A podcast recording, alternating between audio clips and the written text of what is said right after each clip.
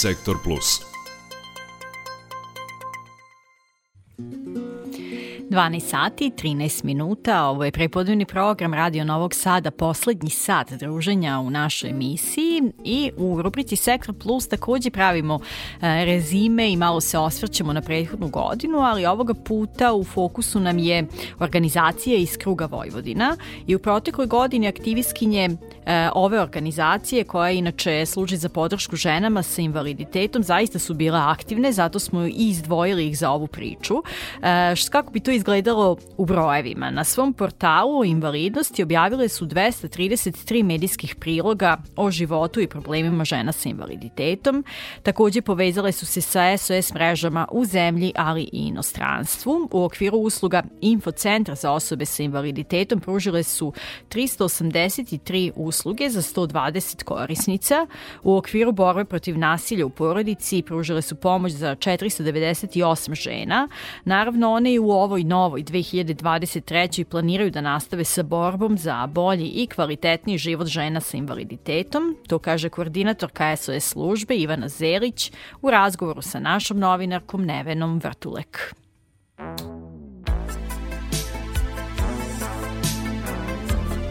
Da li ste zadovoljne kako je protekla 2022. godina i da li ste ispunile sve ono što ste zamislile? Što se tiče rada organizacije Skruga Vojvodina, u ovoj godini smo ostvarili neke ciljeve koje smo zacrtali za ovu godinu. Što se tiče usluga po kojima smo nekako najprepoznatljivije, organizacija je kao i svih prethodnih godina u kontinuitetu pružala sve usluge namenjene ženama s invaliditetom i osobama s invaliditetom.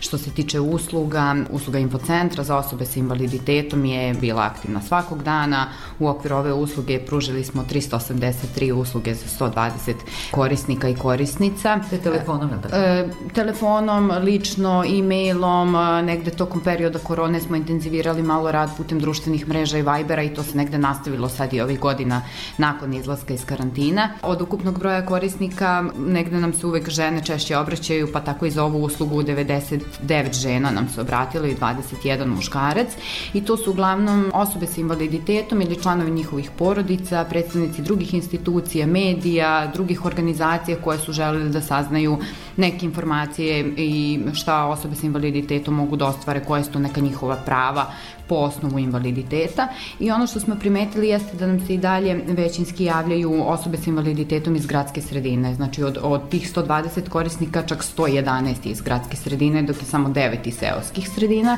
ali se negde trudimo da, da usluga bude dostupna i njima i da kada promovišemo da negde posebno stavimo akcenat baš na žene i na, na ljude generalno koji žive u seoskim sredinama jer znamo da im je pristup uslugama ograničen i da nemaju toliko mogućnosti koliko nudi Novi Sad ili neki drugi grad. Što se tiče službe protiv nasilja u porodici, to je negde služba koja takođe svakodnevno radi, radimo sa velikim brojem žena koje nam se obrati najčešće zbog porodičnog i partnerskog nasilja.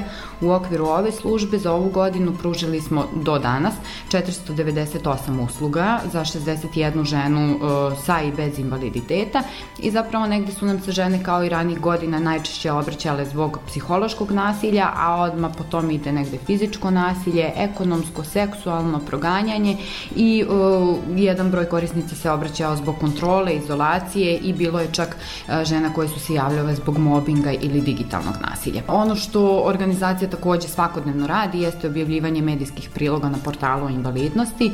Portal o invalidnosti je internet medije organizacije pa mogu slobodno da kažem jedini u, u državi, a i u regionu koji na jedan drugačiji način izveštava o položaju osoba sa invaliditetom. Za ovu godinu objavili smo 233 medijska priloga na razne teme, dakle što se tiče i teme nasilja, ali što se tiče nekih postignuća osoba sa invaliditetom, obrađivali smo teme koje se tiču hroničnih bolesti, nekih uspeha sportskih, i sekcije kulture i tako dalje. I negde smo dosta se trudili da sve ono što radimo promovišemo i na sajtu organizacije. Tokom ove godine 36 tekstova i na srpskom i na engleskom je objavljeno što se tiče nekih svakodnevnih aktivnosti koje smo realizovali pored usluga koje inače organizacija pruža. Da li ste razmišljali možda kako ipak da privučite i te žene sa invaliditetom koje su na selu? Kako svu tu pomoć koju vi pružate nekako približiti i njima? Organizacija iz kruga ne radi samo na teritoriji grada Novog Sada ili na teritoriji Vojvodine. Negde smo se zadnjih godina dosta proširili na druge gradove i uz podršku saradničkih organizacija realizovali brojne aktivnosti, tribine, okrugle stolove. Radili smo neke projekte koje se tiču ne samo nasilja, već i teme unapređenja seksualnog i reproduktivnog zdravlja i zapravo tu smo negde dolazili baš do tih nekih gradova i seoskih sredina gde žive žene sa invaliditetom zahvaljujući saradnjom sa, sa tim organizacijama. To je jedan od načina, svakako e, medijsko promovisanje rada organizacije, društvene mreže, razni javni događaji koje organizujemo, negde uvek stavljamo baš akcenat i na žene kojima možda neke druge usluge nisu dostupne, pa se trudimo da ispromovišemo na koje sve načine mogu da nam se obrate. I upravo je to jedan od razloga zašto podršku ne nudimo samo lično ili telefonom. Naša praksa je nevezano za onaj period korone kad su se svi trudili online da rade, mi to radimo negde od osnivanja i nudimo tu mogućnost da nam se sve žene obrati na način koji njima najviše odgovara. Znači, to ne mora da bude samo telefonom ili lično, to može da bude e-mailom, Viberom, vrlo često se obraćaju putem društvenih mreža, Facebook, Instagram koji danas dosta žena koristi.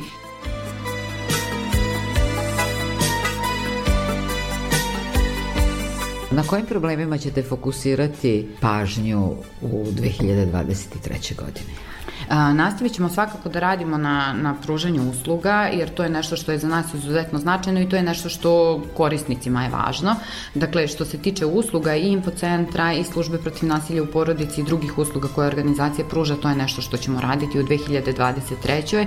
Svakako ćemo nastavljati sa objavljivanjem medijskih priloga na, na portalu invalidnosti i nastavit ćemo negde da radimo i na temama koje se tiču seksualnih i reproduktivnih prava, jer to je nešto što smo uh, nekoliko godina unazad e, pokrenuli i sad zapravo nastavljamo da radimo. Uspesi su tu bili dobri i to negde ima veze i sa tim drugim organizacijama koje sam pomenula, konkretno zahvaljujući projektu sa Populacijnim fondom Ujedinjenih nacija koji smo radili upravo na ovu temu. U Raški je nabavljen hidroulični ginekološki sto, u Vranju su počeli da se organizuju preventivni ginekološki pregledi za žene s invaliditetom, Kragujevac je u saradnju sa njihovim domovima zdravlja uveo opciju SMS zakazivanje pregleda za žene koje ne čuju, tako da su to neki dobri pomaci i mislim da je važno nastaviti i dalje i tokom 23. raditi na tim temama. I SOS telefon. I SOS telefon, naravno.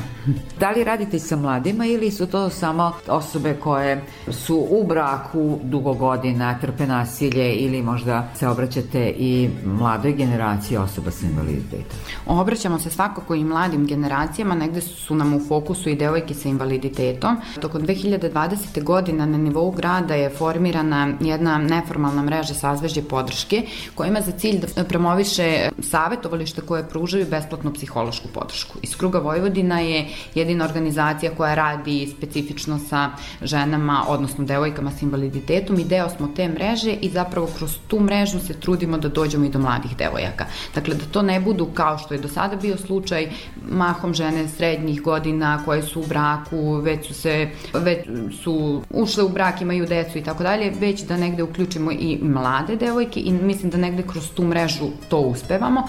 S druge strane, uključujemo i u rad organizacije mlade osobe. U sradnji sa Filozofskim fakultetom u Novom Sadu imamo praksu da nam dolaze studentkinje sa smera socijalnog rada i sa psihologije kako bi odradile stručnu praksu u organizaciji. Ove godine smo imali pet studentkinja, četiri su bile sa oceka za socijalni rad i jedna sa oceka za psihologiju i imamo dobru saradnju sa ocekom za medijske studije i negde u saradnji sa njima zapravo promovišemo malo i medijsko izveštavanje o ženama s invaliditetom i o mladim devojkama, ali zapravo senzibilišemo te mlade generacije o ovim temama i nekako učimo ih kako da one postupaju, kako da izveštavaju, kako da govore i o ženama s invaliditetom i o temi nasilja kad završe fakultet i kad se zaposle. Pretpostavljam da ćete nastaviti i tu praksu.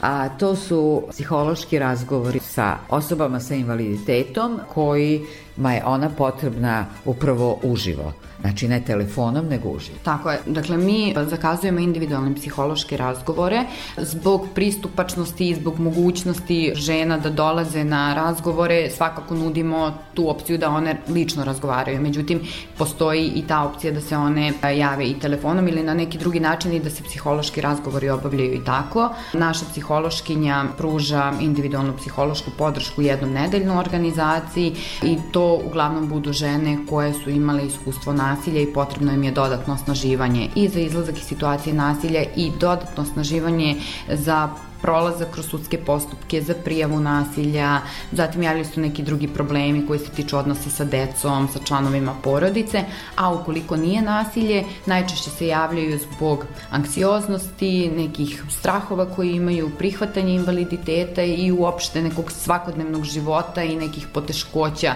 sa kojima se suočavaju. Koji je broj telefona za javljanje? Može da ga ponovimo sad? Sve žene kojima je potreban neki vid podrške mogu da se jave svakog radnog dana u periodu od 9 do 6 16 časova na brojeve telefona 021 447 040 mogu da se jave putem mobilnog telefona ili pošalju SMS na 066 447 040 tu je e-mail adresa office.iskrugavojvodina.org i na društvenim mrežama smo takođe kao iz Kruga Vojvodina i na Facebooku i na Instagramu. Hvala. Molim.